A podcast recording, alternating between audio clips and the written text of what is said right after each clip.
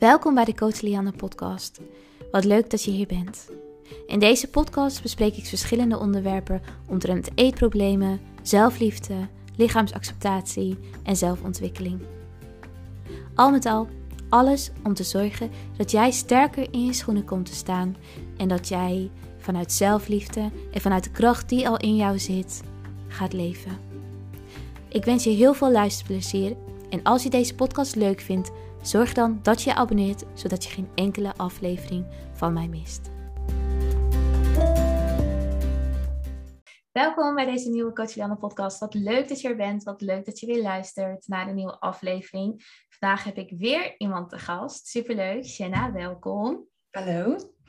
Je bent al eerder bij mij in de podcast geweest. En die podcastaflevering is echt zo vaak geluisterd. Dus ik dacht, het is weer tijd om jou uit te nodigen in een nieuwe podcast. Ja, leuk. Het is echt al lang geleden joh, dat ik, daar, dat ik vorige keer in de podcast was. Ja, nou, ik denk dat het al twee, drie jaar geleden is. Ja. Volgens mij ben ik uh, aan het begin van de periode die we allemaal kennen, die we nooit meer gaan vergeten, uh, begonnen met de podcast. En jij bent een van die eerste gasten geweest. En volgens mij heb jij jezelf toen uitgenodigd. Dat was is het zo? Ja, ja, volgens mij, ik kende jou nog helemaal niet toen. Oh ja, ik, ik zit ook meteen te denken aan hoe ik jou heb leren kennen. Maar ik, ik zag jou ergens voorbij komen op Instagram. Ik weet ook echt nog precies welke foto. Dat was nog in een sportoutfit van jou er in de gym. En toen, ik dacht nog van, wat een verademing dat er nog zo iemand is met diezelfde visie op herstel. En toen heb ik jou Ehm, in mijn stories gedeeld. En op die manier zijn we met elkaar in contact gekomen. Dat was het, ja. Oh, dat was zo leuk. Ja, dat is echt al lang geleden inderdaad. Ik heb de podcast ook nooit meer teruggeluisterd. Ik weet niet wat, maar ik, ik cringe altijd een beetje van mezelf als ik mezelf weer terug hoor. dus ik ga maar gewoon uit van mijn succes dat het goed is en dan... ja, soms weet je ook niet. Ik weet ook heel vaak niet meer wat ik heb gezegd, maar ik, ik luister ook nooit meer naar mezelf. Voor als ik de gast ben in een podcast, kijk, ja, ik hoef dat niet terug te luisteren, want ik weet, ja, ik vind het ook een beetje gek om mijn stem te horen vaak. Ja, iemand zei laatst tegen mij, dat vond ik echt wel, uh, vond ik wel heel lief. Toen zat ik volgens mij even in een dipje. En toen stuurde iemand mij van, Shanna, weet je nog dat je ooit te gast was bij Lianne? Toen was je zo krachtig. Misschien moet je jezelf even terugluisteren, dan krijg je daar weer kracht van. Ik dacht echt, oh, hoe lief dat je daar nou, ik, heb, ik heb laatst een podcast van mezelf uh, teruggeluisterd. Was ik bij Nourish to Flourish. Dat is een heel leuke, oh, leuke chick in, uh, hier in Amsterdam, diëtiste. En toen zei iemand tegen mij ook inderdaad van je moet hem even terugluisteren naar wat je allemaal zegt. Heb je wel door hoeveel kennis je hebt? Toen dacht ik, oh ja, zo. Ik, ik luister het wel even terug. En toen dacht ik, wow, je weet veel, Jan. you go, girl. Yes. Ja, maar soms vergeet je dat. Ik ben me daar ook niet altijd bewust van, van, uh, van de impact die ik heb. En dan, dan is social media eigenlijk ook maar een beetje een, een anoniem platform. Het is een heel fijn en verbindend platform, maar tegelijkertijd ook best wel anoniem. Want wij zetten iets de wereld in, maar tuurlijk, we krijgen ook reacties via DM. Maar ik denk omdat dat ooit zoveel is, dat we dan niet bewust stilstaan bij wat zegt iemand eigenlijk en niet bewust worden van wat onze impact is. Nee. Uh, en voor ons is het heel vanzelfsprekend de kennis die we hebben en de dingen die we delen. Uh, voor anderen kan het life-changing zijn.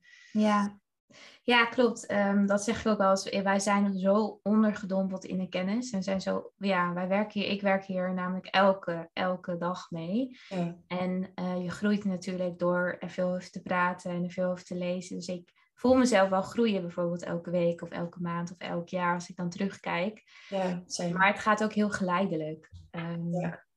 En ja, waar je jezelf al zo'n lange periode in onderdumpelt, daar weet je gewoon heel veel van. Als je mij vraagt hoe een auto in elkaar zit. En een monteur die heeft daar een hele mooie verhalen over. denk wow. Hoe weet jij dat allemaal? ja, ja, dat is waar je focus dat groeit. Klopt. Maar ik ben, uh, ben al heel blij altijd met, met hoeveel wij kunnen geven aan mensen. En het is inderdaad, zoals je zegt, het is wel mooi om daar eens bij stil te staan. Um, ja, hoeveel uh, mensen iets hebben aan onze kennis. Ja, misschien het toch de podcast maar eens terugluisteren. Luister maar eens terug. Ja, misschien moet je deze ook even terugluisteren. Ja. Maar hier zijn we weer vandaag. Voor ja. ja, en we gaan het vandaag hebben over relaties. Um, jij hebt natuurlijk een periode tijd geleden, twee weken geleden was het? Ja, zoiets. een post gedaan over hoe jouw relatie in elkaar zit. Ja. Ehm, kun je daar iets meer over vertellen? Zeker. Um, inderdaad, twee weken geleden heb ik een post gedeeld met de titel Wij hebben een open relatie. En dat is dus, ja, wat voor relatie wij hebben. En dat heeft altijd een beetje uitleg nodig. Want het is maar gebleken dat mensen daar vrij snel een idee van hebben. En dat er volgens mij best wel een maatschappelijk beeld bestaat van wat dan een open relatie is. En dat kan ik vaak herleiden uit opmerkingen die ik daarover krijg of de vragen die mensen daarover stellen. Daar kan ik toch wel een beetje uithalen dat er een bepaald beeld bij bestaat. Mhm. Die niet per se overeenkomt met hoe onze open relatie dan in elkaar zit. Ja. En ik moet ook wel zeggen dat ik denk dat iedereen dit zelf op zijn of haar manier um, invult. Dus wat dat betreft kan ik ook natuurlijk niet spreken voor een open relatie in algemene zin. Mhm. Maar wat dat voor ons betekent is Jorik en ik. Jorik is dus mijn vriend. Wij hebben 2,5 jaar nu een relatie. En wij hebben sinds anderhalve, anderhalf jaar, denk ik, iets minder, hebben wij een open relatie. En ook dit is niet van op de een of de andere dag van vanaf vandaag hebben we een open relatie. Dat is ook iets wat gegroeid is tussen ons, waar we onze eigen ja, proefkonijnen eigenlijk in zijn geweest en nog steeds in zijn. Ja. Als in, ehm, ja, dit is de eerste keer dat wij dit allebei samen doen. En we hebben ook vanaf het begin af aan gezegd van, joh, ehm, wij weten niet wat onze grenzen zijn. En de mhm. enige manier om erachter te komen is om die samen op te zoeken. En ook om te beseffen dat je daar dan af en toe overheen gaat. Ehm, en wat onze open relatie dus concreet eigenlijk inhoudt, is dat we elkaar gewoon vrijlaten in wat we met anderen doen, maar ook wat we over anderen denken en wat we uh, verlangen en wat we voelen, wat we vinden. Dus het gaat niet zozeer alleen maar over de daad op zich. En met de daad bedoel ik dan met iemand naar bed gaan, maar ook gewoon al met iemand gewoon zoenen als je bijvoorbeeld een avondje uit bent. Maar het gaat ook over hoe denk jij over een ander? Wat vind je van een ander? Eh, hoe denk jij over een relatie in het algemeen? Dus elkaar heel erg vrijlaten in ja, hoe we naar relaties in het algemeen kijken. En dat trekt zich natuurlijk ook gewoon door naar hoe we naar het leven kijken. Ja, ehm, En is het dan zo dat jullie daar veel gesprekken over voeren? Continu. Hmm, ja. Ik, eh, dat is ook weer zo'n stuk dat ik denk van daar sta ik eigenlijk niet meer bij, bij stil. En voor mij en voor Jorik is het zo vanzelfsprekend om echt dagelijks en soms meerdere keren per dag om hmm. met elkaar te praten. Um, laatst vroeg iemand van, maar als je zo vroeg naar bed gaat, of ja vroeg, als jij dan zo laat naar bed gaat, wat doe je dan nog? En toen dacht ik, ja, wat doe ik eigenlijk nog? Ik kon maar niet bedenken. Ik denk, ik lees niet, ik doe dit niet, doe dit niet. Toen dacht ik, oh mijn god, wij praten altijd minimaal nog een uur of zo voordat we gaan slapen. Maar voor ons is dat zo'n gewenning geworden dat dat niet meer zoiets is van wij hebben gisteren gepraat. Dat is gewoon onderdeel van onze relatie. En ook, dat kan ik wel bijna met zekerheid zeggen, hetgeen wat ons gered heeft en redt. En in stand houdt en er ook voor zorgt dat, dat dit werkt. Dus het open relatiestukje. Maar sowieso dat wij zo'n sterke verbinding hebben, kan ik echt wel grotendeels wijden aan het feit dat, onze, ja, dat wij zoveel met elkaar communiceren. Ja. En ook heel open en kwetsbaar. Dat is echt onwijs belangrijk. Ook Jorik. Ja. En dat is voor hem, ehm, dat is voor hem natuurlijk best wel lastig geweest. Want voor mannen hangt er sowieso vaak een groot oordeel op niet kwetsbaar mogen zijn. Mhm. Ehm, maar het feit dat hij dat van zichzelf is gaan accepteren en is gaan omarmen en ook dat kwetsbare deel er is gaan laten zijn, dat heeft voor ons, ja, dat betekent zoveel voor ons. Ja, wat bijzonder. Ja. ja. Ja. ja, ik geloof ook in relaties is communicatie eigenlijk, denk ik, een van de kernwaarden in mijn... Ja, vertrouwen. En, ja. communicatie en vertrouwen en, en, en veiligheid om te communiceren. Ja. En, en om te delen wat er in je omgaat. Ja. Ja, maar juist, wel een van de moeilijkste dingen, denk ik. Zeker. Maar juist ook, het is mooi dat je zegt dat stukje veiligheid. Mhm. Ehm, juist omdat Jorik maar eigenlijk vanaf dag één, vanaf moment één, mij echt het gevoel heeft gegeven dat het veilig is om mezelf te zijn, Mhm. heb, ik ook, ehm, heb ik ook dit deel van mezelf tot uiting kunnen laten komen. Allereerst natuurlijk voor mezelf en vervolgens naar Jorik. Ja. Maar dat gevoel van, van veiligheid, van het is oké om jezelf te zijn, dat komt natuurlijk enerzijds van jezelf, maar het is heel fijn als er, zeker als je een relatie hebt, dat die ander je Dat- ook dat gevoel geeft van, hé, ik ren niet zomaar weg en ik wijs je niet zomaar af en ik veroordeel je niet zomaar als je andere denkwijzen hebt of andere verlangens hebt. Dus dat heeft wel bij mij ook echt de deur als het ware geopend dat het echt mocht, eh, ja, dat het echt mocht ontstaan. Mooi. Ja.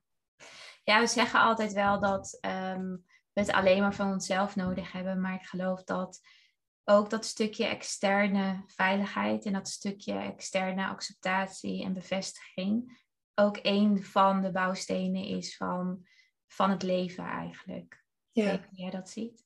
ja, We hebben natuurlijk wel veiligheid van andere mensen nodig, of een community, of is het een relatie waar, ehm, waar we ons gesteund voelen, eh, waar we ons gezien voelen. Ehm, dat is ook een heel groot onderdeel in mijn beleving van heling en van, ehm, ja, van het leven. ja. Ja, eens. We hebben sowieso ook gewoon evolutionair gezien een need to belong. Ja, Dat hebben we allemaal, anders overleef je simpelweg niet. Dus hoe je dat ook wendt of keert, daar kun je allerlei rationele verklaringen aan geven. Maar het is en blijft denk ik iets wat onbewust in ons systeem zit. Ja, Dat het ons, het geeft ons letterlijk veiligheid op het moment dat we geaccepteerd worden door anderen. Want het zorgt ervoor dat we ergens bij horen. Klopt. Ja. En op, En dat is natuurlijk iets, een oerbrein dingetje. We moesten vroeger er wel bij horen, anders waren Ja. we niet meer veilig. ja, Waren we letterlijk een prooi. Dus dat is inderdaad iets wat altijd nog, wat je nog altijd voorbij ziet komen. Dat is eigenlijk doorgeëvalueerd ehm, en altijd bij ons gebleven. Ja, Ja, dat is ook waar we altijd op zoek zijn naar mensen. We zijn altijd op zoek naar relaties. We zijn altijd op zoek naar verbinding. ja, In verbinding helen we. In kwetsbaarheid helen we. ja, leren we ook weer, wat ik ook wel altijd heel mooi vind, als ik dat, als ik dat ook vertel aan cliënten bijvoorbeeld, is natuurlijk ook in relaties word je gespiegeld. En niet alleen in liefdesrelaties, absoluut. maar ook in, in relaties tot vrienden. Dus je leert altijd weer nieuwe kanten van jezelf kennen. En dat is iets moois om ook te delen van je zegt jezelf zijn. En ik denk dat we daar nooit een eindpunt van moeten maken. Want Nee. we ontwikkelen altijd als mens. En juist openstaan om nieuwe kanten van jezelf te leren kennen. Eh, en jezelf zijn of mezelf vinden gaat nooit lukken. Eh. Maar oké zijn met wat nu is. En oké zijn met alles wat je nu weet. En Ja. alles waar je nu in staat. En alle schaduwkanten en lichtpunten in jezelf. Ja, Dat is in mijn beleving vrijheid en veiligheid en zijn eigenlijk. ja, Dus Ja. soms houd ik dat stukje jezelf er even vanaf. Het is eigenlijk meer ik ben en dat is, ja, precies. dat is veiligheid, dat is oké. Ja. Dat kan me, en ik kan me ook voorstellen dat dat een, een, een vaag of moeilijk concept lijkt om te bevatten. Maar ik denk dat juist door het te ervaren en door ehm, in eerste instantie bewust te worden dat het stukje de vraag eigenlijk van jezelf vinden en hoe moet ik mezelf zijn en hoe moet ik mezelf vinden, dat dat eigenlijk ook weer heel erg vanuit je ego komt, vanuit controle willen hebben, het Maar je willen zegt het zelf al, het is moeten. Moeten is ego. Ja, precies. ja, bij voorbaat al. Ja, ja, moeten is al, is al de grootste blokkade in ons leven. Ja. Toch? Ja, ja, nee, sowieso. Ja. En wat je net zei, vond ik ook wel heel mooi dat, ehm, dat we altijd op zoek zijn naar, naar mensen en dat, je, dat de heling ook zit in, in het met mensen zijn en samen zijn en die liefde voelen. En dat doet me eigenlijk ook wel denken dat ik merk dat op het moment dat, dat mensen bezig zijn met het stukje heling, persoonlijke ontwikkeling, ik zie vaak een soort van strengheid ontstaan als het gaat om ja, maar ik moet leren om alleen te zijn en ik moet leren om van mezelf te houden en ik kan niet van mezelf van een ander houden als ik eerst van mezelf en dan denk ik, oh, daar zit ook zo'n soort van afstraffing weer in, terwijl Ja. het zoiets moois kan brengen om juist liefde van een ander toe te laten. Ehm, en wat je ook heel mooi zegt, die, die spiegel die je van een ander krijgt, dan denk ik, oh, dan zit er bijna weer een nieuwe obsessie van ik moet alleen kunnen zijn. En, dat, en daarin jezelf moeten bewijzen. Ik weet niet of je dat herkent wat ik nu ja, zei. Heel, ja. Ja, dat hoor ik ook heel vaak van cliënten inderdaad. Ja, hoe denk jij over die uitspraak? Ja, ik krijg, ik krijg het heel vaak terug dat het. Dat het um, ik ben iemand die veel alleen is en kan zijn. Uh, maar ik weet dat dat voor mij een valkuil is omdat ik ook andere mensen nodig heb om te delen en andere mensen nodig heb om bepaalde dingen, gedrag of bepaalde uh, dingen die ik doe, te spiegelen. Ja. Um, dus nee, ik, ik vind overal waar oordeel over zit en een hele harde van je moet dit kunnen en je moet goed alleen kunnen zijn. Um, je moet iemand zijn die uh, twee, drie avonden alleen op de bank kan zitten, van, zoals van s middags tot s avonds. Nee. nee, echt niet. Ik geloof daar niet in ik vind dat iedereen heeft een andere behoefte en iedereen is gewoon anders. En overal waar dat hele harde overheen zit, ja. dat mag je van mij al gelijk de deur wijzen. Gewoon ja, dan maakt het eigenlijk niet eens uit waar dat over gaat. Ik geloof wel dat als jij ehm, meer in lijn staat met jezelf, dus meer aligned bent, zoals we dat mooi noemen in de coaching, ja. dat, ehm, dat het ehm, juist soms heel fijn is om alleen te zijn, maar die behoefte voel je dan. Dat, je, dat je voelt intern van ik heb eerst nu heel even ruimte voor mezelf nodig. Ik wil heel even met mezelf zijn. Omdat ik wel geloof in dat stukje. Ik ben ook een van mijn beste vrienden voor mezelf. En de beste vriendin van mijn lichaam. Ehm, en soms heb ik die, heeft hij gewoon heel veel aandacht nodig. Alleen.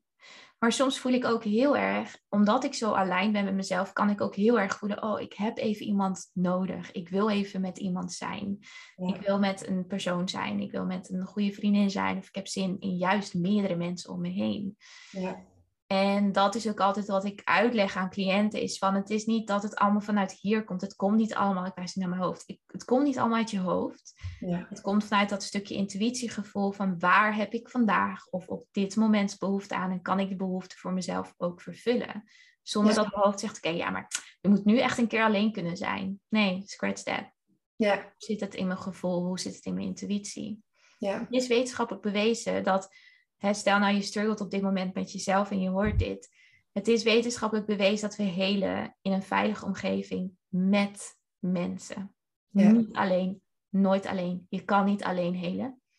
Want ik heb ook nog steeds vriendinnen die mij spiegelen. Die zeggen, yo Lian, wat ben je aan het doen? Of, yo, ik zie dit of ik hoor dit en heb je dat zelf door? En, ja. Of, ik vind het ook fijn om eens een keer te huilen bij een vriendin. Of een vriend. Ja, of een knuffel. Gewoon. Of een knuffel, aanraking.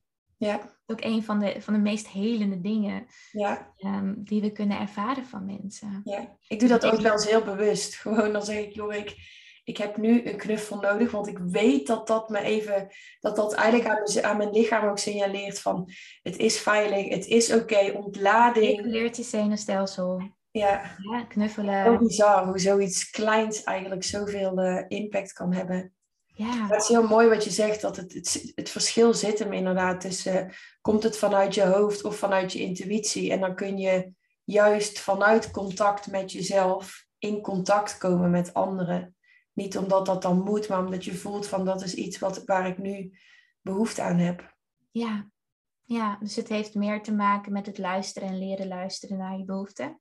In plaats van alleen zijn. Ja, van het uit je hoofd vinden dat het zo'n zo'n powerful tool is om alleen te kunnen zijn. Want daar gaat het niet over. Want dan ben je dus eigenlijk heel erg op zoek naar een externe manier van veranderen. Of van, yo, uh, Lianne of Sienna kun, kan heel goed alleen zijn, dus ik moet het ook kunnen, want dan kom ik ook waar zij staan. Het heeft daar helemaal niks mee te maken. Nee. Nee, en dan, ik denk dat je dan ook... Kijk, wij staan heel erg voor ehm, in het hier en nu zijn, accepteren wat er is, wat dat dan ook is, zonder oordeel.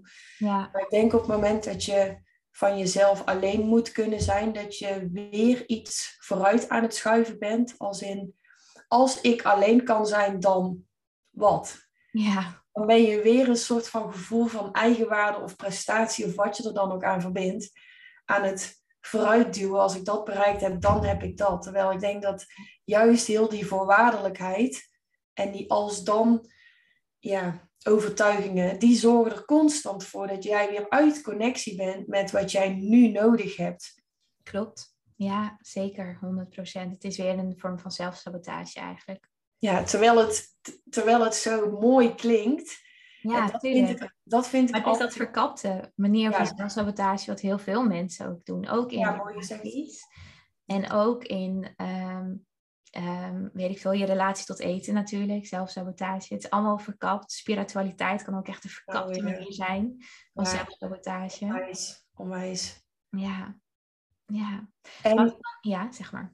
Ik was even benieuwd, je hoort natuurlijk vaak de uitspraak van je kunt niet van jezelf, je kunt niet van een ander houden als je niet van jezelf houdt. Ik ben heel benieuwd hoe jij daarover denkt. Um, ik denk dat ik op de meest donkere periodes in mijn leven toen ik een eetstoornis had, toen hielden mijn ouders nog ontzettend veel van mij. En die kon ik wel voelen. Ja. Ook al wilde ik dat niet voelen, als in ik blokkeerde dat. Alleen ik hield onvoorwaardelijk van hen en zij onvoorwaardelijk van mij in die periode. Dat weet ik. Dus het was moeilijk te voelen. Ik denk dat ik dat stukje rationeel wel heel goed kon weten. Alleen het voelen van liefde, daar stond ik dan nog helemaal niet mee aligned.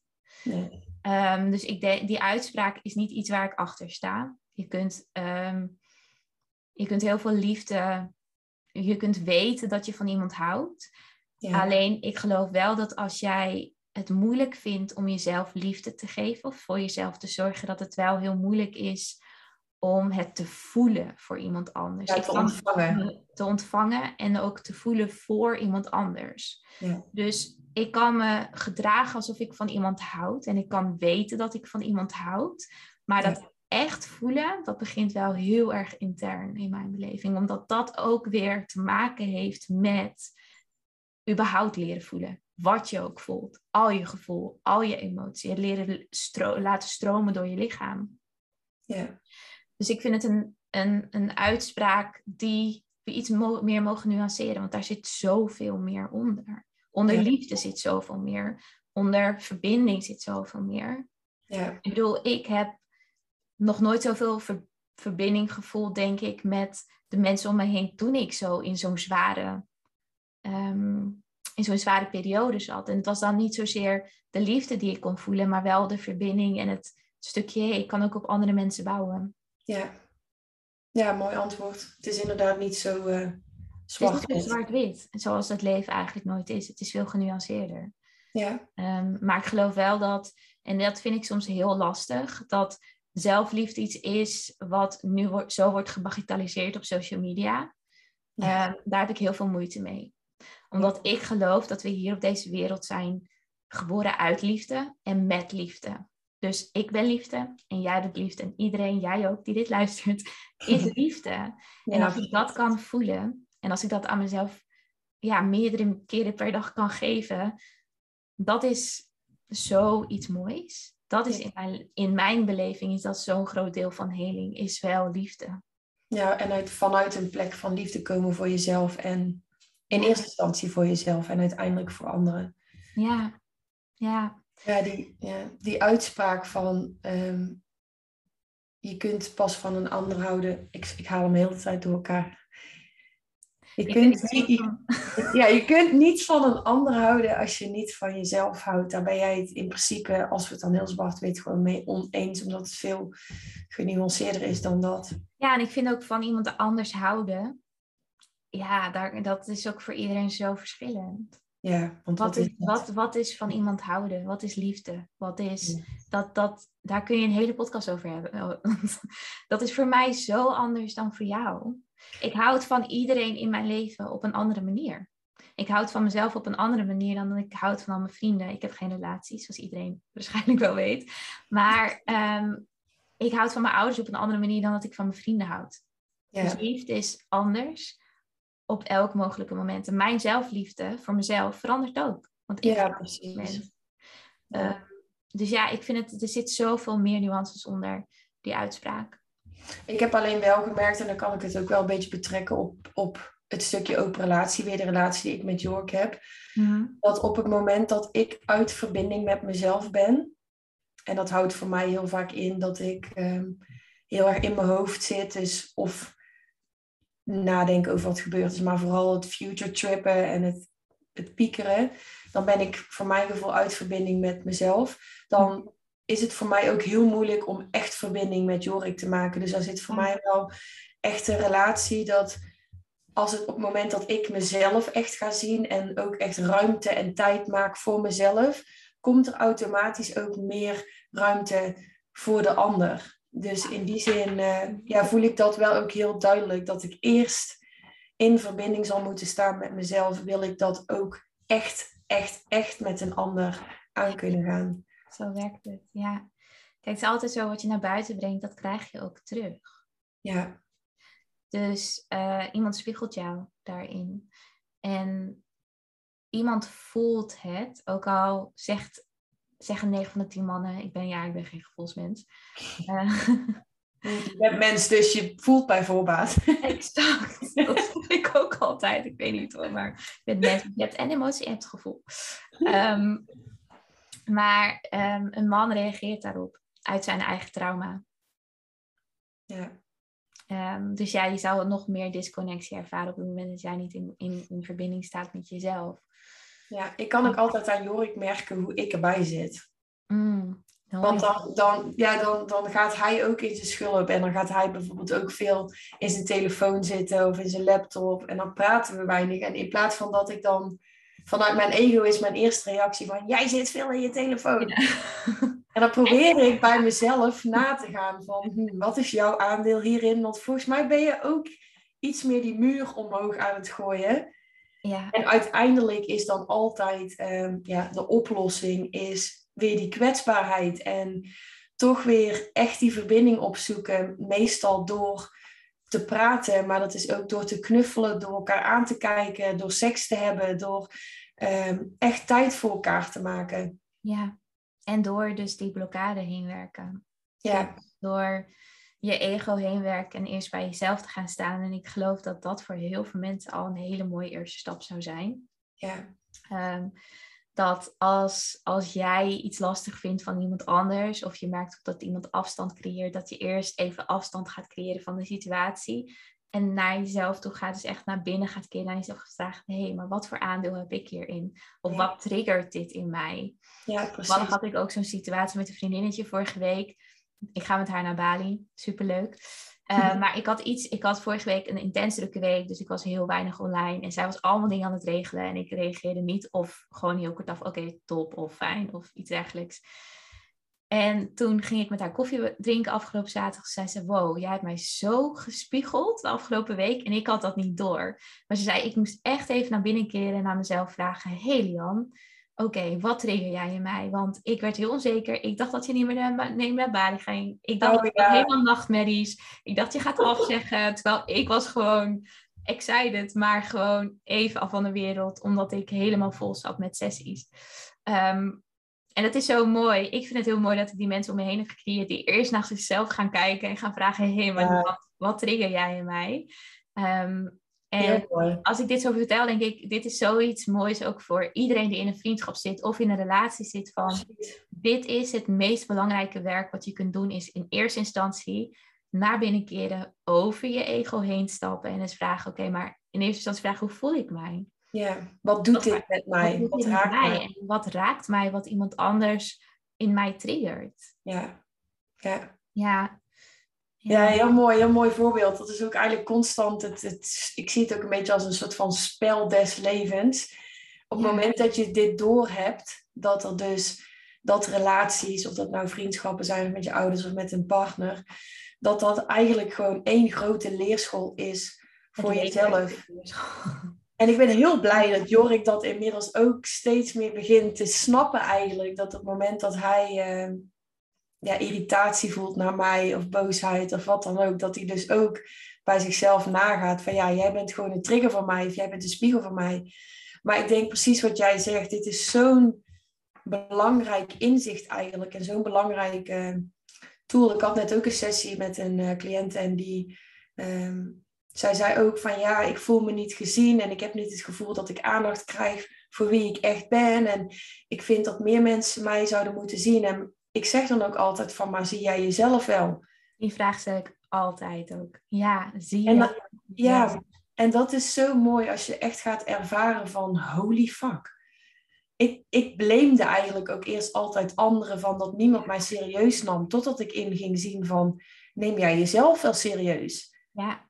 Of dat je bijvoorbeeld boos wordt van, ja, die en die zijn over mijn grens gegaan. Dan stel ik mezelf ook de vraag, maar heb jij wel een grens aangegeven? Dan ben je eigenlijk boos op jezelf dat je geen grens aan hebt gegeven.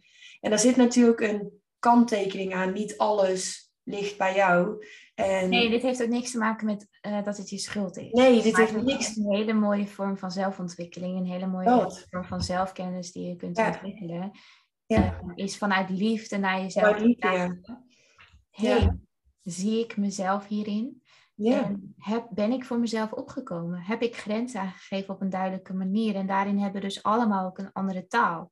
Dus iedereen zal het op een andere manier opvatten wat jij zegt, want we hebben onze eigen waarheid en we zijn op een andere manier geconditioneerd.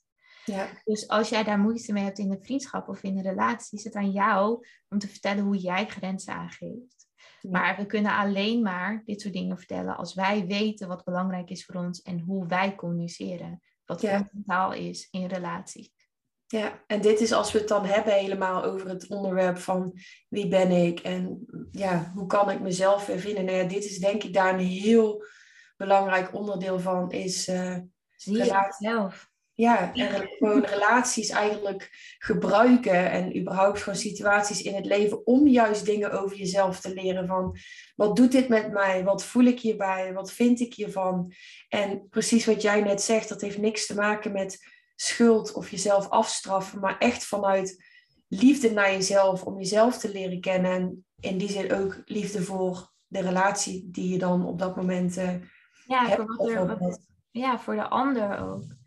Ehm, want als jij snel uit die emotie gaat, en stel nou je zou die, uit die emotie of uit het gevoel van ik word niet gezien, ik word niet geliefd en iemand gaat over mijn grens heen, tegen over iemand staan en dat tegen diegene zeggen, dan zou je diegene heel veel pijn doen vanuit je eigen emotie. Niet omdat je dat wilt, maar dat is gewoon je eerste primaire reactie vanuit ik zie mezelf niet, ik vind het lastig om grenzen aan te geven en ik ben bang om afgewezen te worden. Ja. En als ik vanuit die reactie op iemand anders ga reageren, dan reageert diegene weer uit mijn eigen emotie. Dus wat ik ook altijd aangeef in de relatietherapie sessies die ik doe, is in eerste instantie als jij, als jullie merken dat er iets is, ik ga eerst afstand creëren, ik ga er even over schrijven. Ja. Ik ga met mijn eigen gevoel en emoties zitten. En van daaruit, al is het een dag later, gaan we het gesprek aan. Ja. heb jij opgeschreven. Dat ga ik dan tegen jou vertellen. En jij herhaalt wat ik zeg in je eigen woorden. En dan kan ik nog zeggen, nee, maar ik bedoel het eigenlijk zo. Dus we kunnen dan elkaars taal beter leren kennen in een relatie. Ja, heel mooi. Ja. In plaats van ook vanuit die emotie reageren, want die emotie is vaak gewoon veel ja, groter. Veel groter. Het is vaak je innerlijke kind. Het is vaak hoe je bent geconditioneerd. Ja. En, en hoe meer je daar even mee kunt zitten en de ruimte er voor jezelf aan kunt geven, um, hoe meer je dat dus ook ehm, op een rustige manier in een relatie mee kan brengen. Ja. Vanuit aanklagen of woede of vanuit emotie überhaupt. Het is niet dat je niet emotie bij elkaar mag laten zien, maar ik bedoel meer, reageer niet op elkaar vanuit emotie. Nee, nee, precies. En ik, ik denk dat op het moment dat heel veel mensen hebben natuurlijk helemaal nooit echt geleerd hoe je op een constructieve manier emoties reguleert. Dus die emmer die zit door eigenlijk door heel je leven gewoon ramvol. Ja, je zenuwstelsel die zal het overwerken, de, de ja. jarenlang waarschijnlijk. Dus als het al een Even een koppeling te maken, want ik, die masterclass komt binnenkort online van mij. Dus. Nice. nou, gaat, hoe ga ik met emoties om? Wat is emoties? Wat je allemaal hoort te leren op school in mijn beleving. Ja, super belangrijk. Dus dat is ook een mooie om, om dat dus te volgen. Want dat is, ik denk, ook wel de grondbeginselen van healing. Ja. Ehm, en, en van het aangaan en kunnen aangaan met de relatie met jezelf en met anderen. Ja. Ja, ik denk, dat, ik denk dit ligt daar. We begonnen dit gesprek eigenlijk met hoe ziet je open relatie eruit, maar dan kom je er pas dan kom je er toch wel snel achter dat dit toch wel processen zijn die daar echt aan ten grondslag liggen en die dit ehm, mogelijk maken. Want als ik zelf niet gediepdive was de afgelopen jaren in het stukje emotieregulatie en mezelf zien en um, ja, gebruik maken eigenlijk van die triggers, dan was ik denk ik ook totaal niet in staat geweest, en Jorik denk ik ook niet, om, om dit samen te kunnen gaan doen. Want wij weten bijvoorbeeld ook dat, stel je hebt een relatie, hoeveel mensen zijn dan niet uh, jaloers op elkaar of zijn bang om de ander kwijt te raken. Of ik heb ook veel berichten gehad naar aanleiding van die open relatie live bijvoorbeeld, van... Ehm, ja, mijn, ik voel dit ook, maar mijn vriend wordt altijd boos op mij als ik hierover begin. En dan gaan bij mij echt al die radars gaan aan. Dan denk ik van, oh, daar zit dit en daar zit dit. Maar dan merk je dat, ehm, dat bijvoorbeeld die boosheid vanuit de ander komt dan vanuit zijn eigen angst en onzekerheid om, om verlaten te worden. En dat uitzicht dan in boosheid. En ja, ik zie dat een beetje als een soort van obsessie of ja, claimen van de ander van jij moet bij mij blijven zodat ik me beter voel. Ja. En de andere reageert. Ben. Iemand ja. zichzelf veilig stellen bij iemand anders. Ja, en die ander reageert dan weer daarmee op met ja, en ik wil de ander weer niet te boos maken en ik wil niet dat de ander onzeker is. Dus zij in dit geval gaat dan ook weer zijn onzekerheid dragen, maar daardoor kan hij niet zijn eigen pijn en onzekerheid aankijken. Dus dan ben je een relatie in stand aan het houden. Hè? wat mannen eigenlijk doen met boosheid, um, is verdriet en angst uh, verkappen. En mannen gebruiken daar boosheid voor, dat is hoe ze zijn geconditioneerd. Omdat ja, secundaire mannen mogen, mannen mogen boos zijn, vrouwen niet. Ja. Um, hele grote misvatting in deze maatschappij.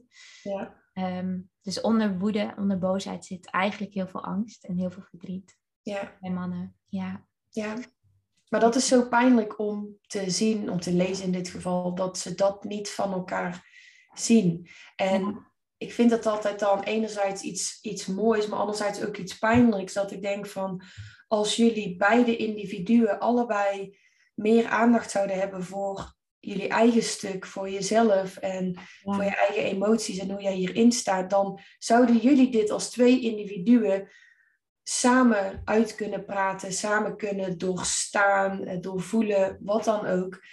In plaats van dat er twee individuen zijn die allebei iets vinden en voelen, maar die botsen vanuit die emotie en vanuit onbegrip eigenlijk naar elkaar. Wat in essentie is omdat ze zichzelf niet begrijpen. En zo zie ik heel veel relaties um, misgaan eigenlijk. Niet omarmen, denk ik ook. En die delen van zichzelf geen liefde kunnen geven. Ja. En ook um, in eerste instantie niet heel goed weten. Inderdaad, dat stukje begrijpen is natuurlijk zo belangrijk om het ook goed te kunnen communiceren en te formuleren naar iemand anders toe.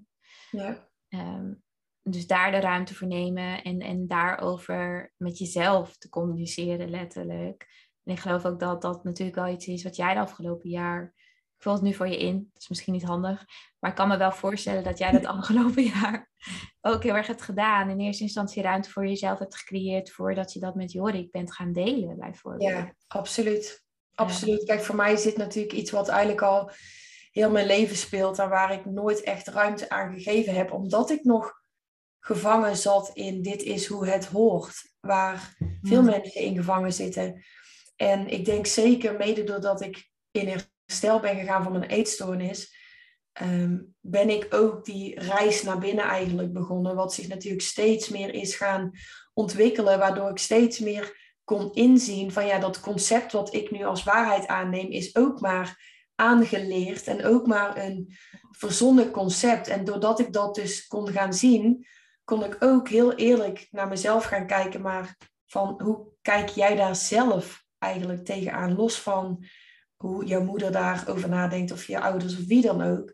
En toen ben ik dat wel ja, steeds meer gaan ontdekken van ik kijk daar eigenlijk heel anders naar. Natuurlijk heeft dat ook echt wel een tijdje geduurd voordat ik daar echt voor durfde te gaan staan. En ik denk dat Jorik, wat ik in het begin ook al zei, dat hij daar, omdat hij daar zo'n veilige space voor creëerde, dat dat de, de druppel was om dat ook echt te mogen, ja, te zijn, te voelen. Maar als iemand mij dan vraagt van ja, hoe doen jullie dit? Dan kan ik niet anders dan antwoorden van doe eerst je eigen inner work. Ja, dat is het meest belangrijke. Ja. Ja. Want net als in onze open relatie, kijk, heel veel mensen vragen dan aan mij van, ben je nooit jaloers? Ja, natuurlijk ben ik wel ooit jaloers. Ik heb ook een ego en een mind en zekerheden waar ik ooit naartoe schiet. ook mens. Ja, ik ben ook een mens.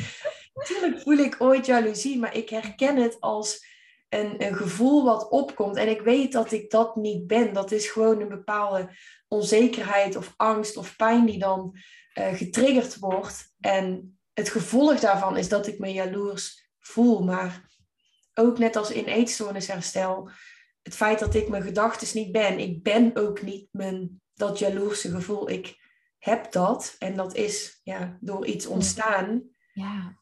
En dat zorgt er dus voor dat ik me kan, ja, dat ik me, mezelf niet identificeer met dat jaloerse gevoel waaruit als we het even in de context van die open relatie hebben, ja. waaruit heel veel mensen waarschijnlijk zullen handelen van ik ben jaloers, dus jij mag dit en dit en dit niet doen, want ik wil jou niet kwijt. Ja. Maar omdat ik me daarvan los kan koppelen, kan ik voelen van dat is niet van mij. Nee. Nee, het is een van de, ook wel, ik zeg altijd een van de belangrijkste lessen. Ik denk dat als ik dat allemaal zou opschrijven, dan zijn het 15.000, denk ik. Maar uh, jezelf niet meer identificeren met wat je voelt en dat ook niet bij iemand anders neerleggen. Precies, oh, belangrijk. Mijn gevoel, en dat heeft niks te maken met jou. Ja. Dus als ik iets voel, heeft het niet te maken met dat jij dat niet meer mag doen, maar dan is het aan mij om daar doorheen te werken. Precies. En ik ben dus niet wat ik voel, ik ben niet wat ik denk. Ja. Maar dat is dus wel heel mooi wat je zegt, want dan kan ik dat ook weer koppelen aan onze open relatie. Dat, ehm, stel dat stel even concreet voorbeeld dat, ehm, dat hij een ander meisje mooi vindt of een andere vrouw aantrekkelijk vindt. En hij zou dat tegen mij zeggen omdat wij open en eerlijk naar elkaar zijn. Dan kan ik me jaloers voelen. En ik denk dat de meesten dan zouden reageren met... Ik wil niet dat jij nog met haar praat of ik wil niet dat jij contact met haar hebt, want... Ja. Of, ik zou, of in een open relatie zouden mensen zeggen, ik wil niet weten. Ja. Doe maar, ik wil niet weten. Nou, ja, precies. Maar dan leg je eigenlijk ook weer de, de oplossing van jouw eigen pijn bij de ander. Terwijl ik probeer ook tegen mezelf te zeggen, natuurlijk ook tegen anderen, van het is gewoon helemaal oké om je even jaloers te voelen. En om die onzekerheid te voelen dat hij haar misschien leuker vindt. En daar, daar, breek ik het, daar open ik het gesprek dan ook over. Van ja, ik voel eigenlijk een bepaalde onzekerheid dat jij bij me weggaat bijvoorbeeld. Ja. Dan het feit dat ik die emotie, of dat ik me jaloers voel, is voor ons dan een opening naar een gesprek van wat is er aan de hand en hoe, hoe kan ik er voor mezelf zijn, hoe kunnen we hier samen doorheen gaan, in plaats van meteen van jij mag niet meer dit of jij mag niet meer dat. En zo zie ik helaas veel relaties om me heen, dat het een soort van voorwaardelijke commitment is die je met jezelf aangaat, gebaseerd op regels ja. iemand wel en niet mag doen. Dat is natuurlijk heel zwart-wit gezegd, maar... Ja. ja. Ja, en het zijn vaak ook ongeschreven regeltjes. Ja. Wat voor de een ander is dan de, de dan de ander. Hè, Dus eigenlijk zijn we vaak dan ook niet echt bewust van de regeltjes die we hebben voor iemand anders. Dus iemand is eigenlijk gedoemd om te falen. Ja. ja, ja. Dus dat zie ik vaak gebeuren in relaties. Ja, precies. Um, als daar geen communicatie is.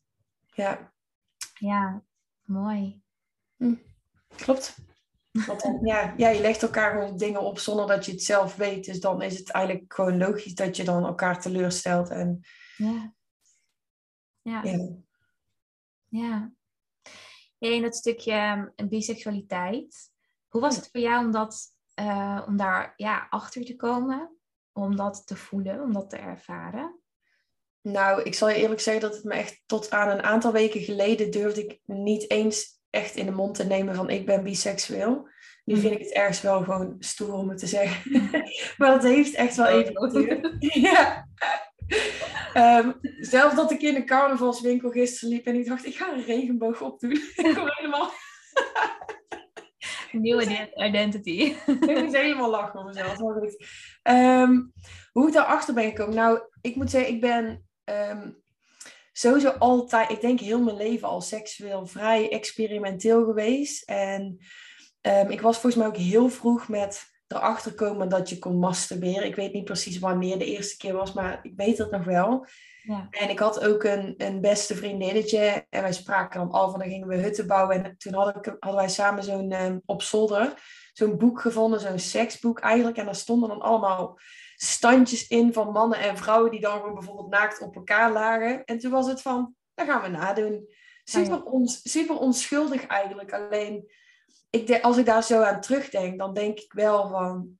Volgens mij was jij al heel vroeg um, open-minded of seksueel georiënteerd, of hoe je dat dan op die leeftijd ook wil noemen.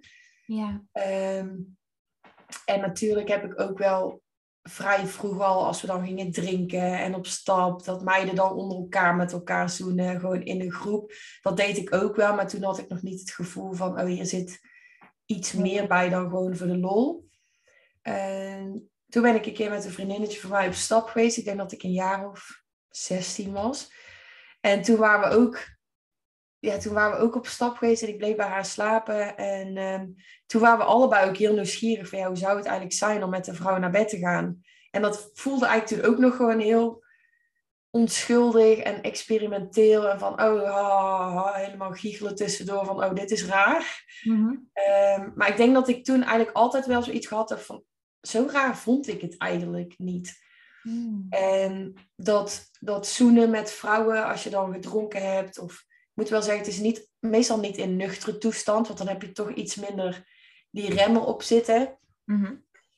Dat het steeds minder ongemakkelijk ging voelen en steeds leuker eigenlijk hoe het ook met, met jongens voelt als je uh, iemand aangetrokken voelt tot een jongen. En dat vond ik dan oprecht heel leuk en interessant. Zo begon het ook steeds, ja, zeker afgelopen jaar, omdat ik ook bewuster bezig was met hoe voelt dit eigenlijk voor mij en wat vind ik hier eigenlijk van dat ik steeds meer ging merken van, eigenlijk vind ik dit wel heel leuk.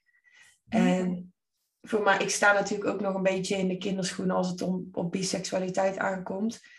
En ik moet ook zeggen, ik heb nooit echt gevoelens gehad voor een vrouw. Dat ik denk van nou, ik zou echt een relatie met een vrouw willen. Het is voor nu nog vooral meer seksuele aantrekking als de ander dat ook heeft. Ja. Maar ja, geen idee hoe dit gaat verlopen. Misschien is dit een fase en is het volgend jaar weer over. Misschien, als, mocht het ooit overgaan met Jorik, dat ik ineens een vrouw tegenkom waar ik verliefd op word. Mhm. Ik zeg altijd nooit, nooit. Ik weet het nooit, maar dat is een beetje waar het... Uh... Ja, en ik moet ook wel zeggen dat ik ben er eigenlijk vorig jaar pas echt voor gaan staan. En dat ik dat ook durfde te voelen. En ik moet wel zeggen, dat bracht ook wel heel veel angst met zich mee. Omdat ook aan Jorik te vertellen. Want ik was gewoon bang dat hij zich gepasseerd voelde. Of dat, uh, ja, of dat, dat ik hem zou kwetsen daarmee. Dat hij dan niet goed genoeg was. Of ik heb ook een angst gehad van ja, maar dadelijk wil ik dit gaan experimenteren. Terwijl ik ook Jorik niet kwijt wil. Ja. Maar juist door daar heel openlijk over te praten en omdat Jorik gewoon ja, de liefste persoon is die ik ooit heb ontmoet, heeft hij ook gezegd van ja, Shen, ik laat jou hierin ook vrij, want dit ben jij ook. En dit mag je onderzoeken, want dit is ook gewoon onderdeel van jou. En ja, wie zou ik zijn om te zeggen van je mag dit niet voelen en amputeer dat deel van jezelf, maar zet ergens maar in de kast, want ik kan daar niet mee omgaan. Ja. Eeuwig dankbaar ben ik echt. Mooi. Ja. Bijzonder ook. Ja.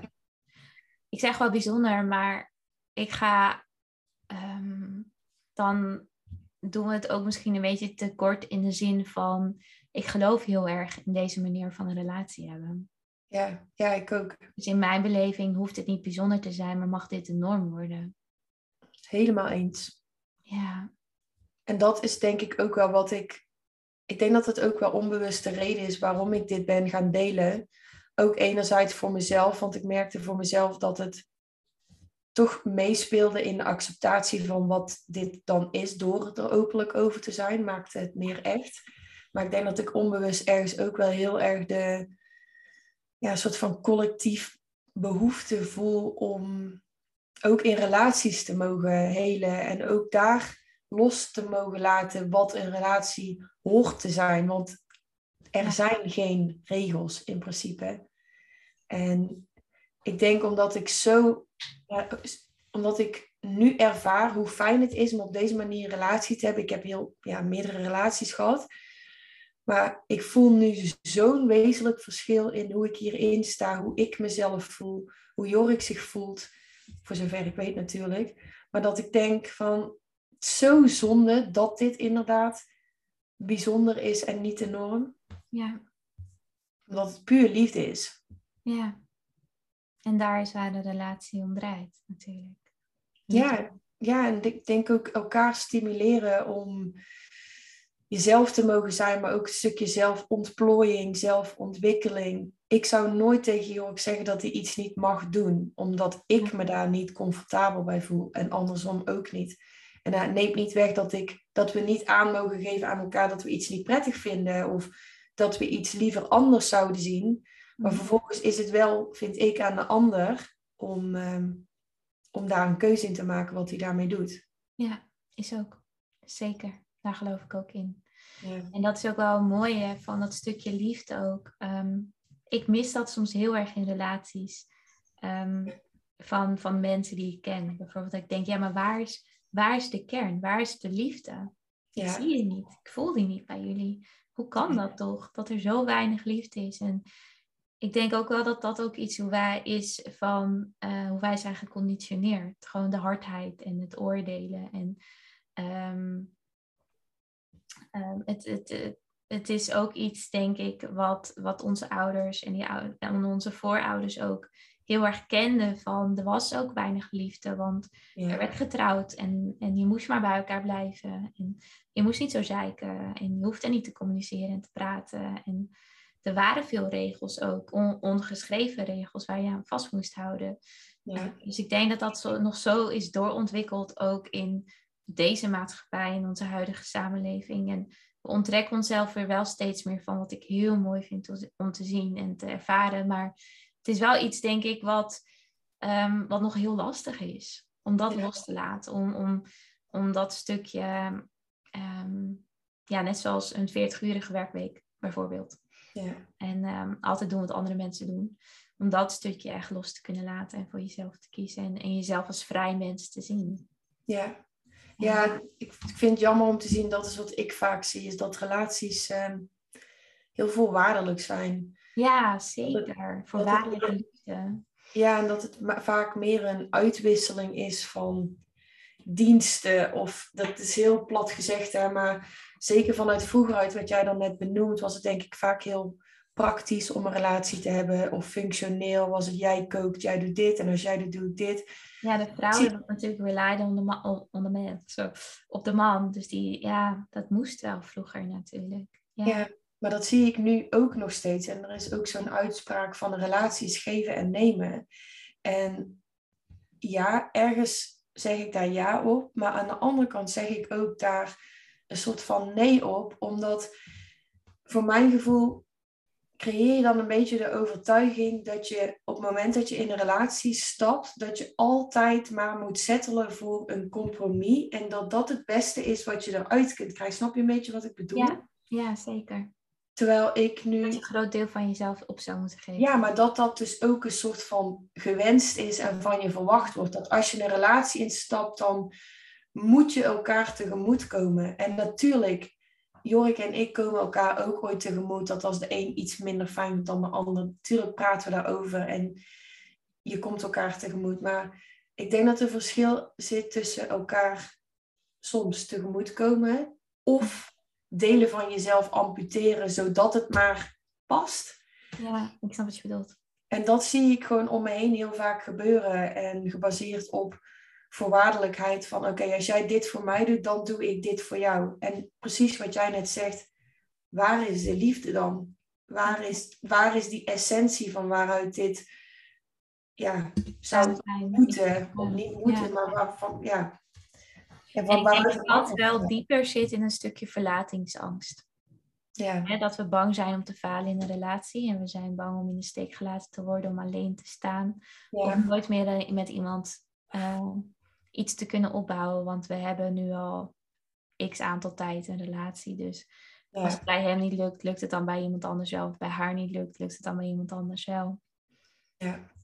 En een stukje zekerheid inbouwen, denk ik. Die, die, die ongeschreven regels en die voorwaardelijkheid. Van nou, als jij dit en dit en dit doet, dan blijven we voor altijd bij elkaar. Ja, ja dus we hebben allebei veiligheid dan. En rust dus. Ik kan rust vinden erin, want ik weet dat hij nooit weggaat. Ja. Ja. Ja, mooi.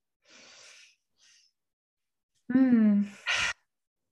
Mooi gesprek, dankjewel. Ja, het, het, heeft een beetje een andere wending gekregen, denk ik. Maar ik denk dat het heel mooi is om... Uh... Het is ook heel goed om te weten dat, wel, dat ik me niet heb voorbereid op deze aflevering. Daar ben ik heel eerlijk in.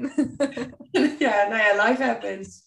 Ja, ja. ja, maar ik denk ook wel dat dan ergens de mooiste gesprekken tot stand komen. Ik vond het in ieder geval een heel fijn gesprek. En ik denk dat ehm, we, ja, we zijn echt ingegaan op de onderliggende thema's die belangrijk zijn voor het hebben van een open relatie, maar gewoon in het algemeen voor het hebben van een relatie.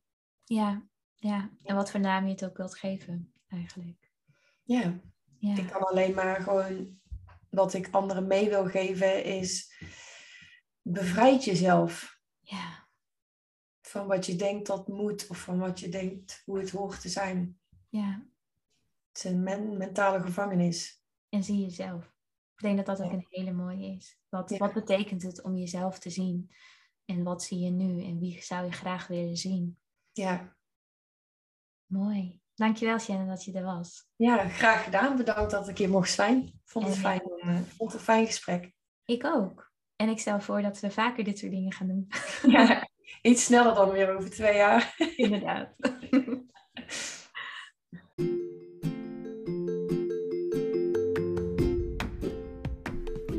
Ik wil je nogmaals bedanken voor het luisteren naar deze podcast. Mocht je nou fan zijn van deze podcast en dit willen delen met je vrienden, zou ik dat super fijn vinden door dit te doen op social media. Zodat we nog meer awareness kunnen creëren rondom een verstoorde relatie tot voeding, sporten en je lichaam speelt. Hoe meer, hoe beter. Daarnaast, mocht je interesse hebben in mijn boek, de online cursus of één op één coaching, ga dan even naar www.coachlianne.nl voor meer informatie. En daar kun je ook het contactformulier invullen en dan kom ik zo snel mogelijk bij je terug.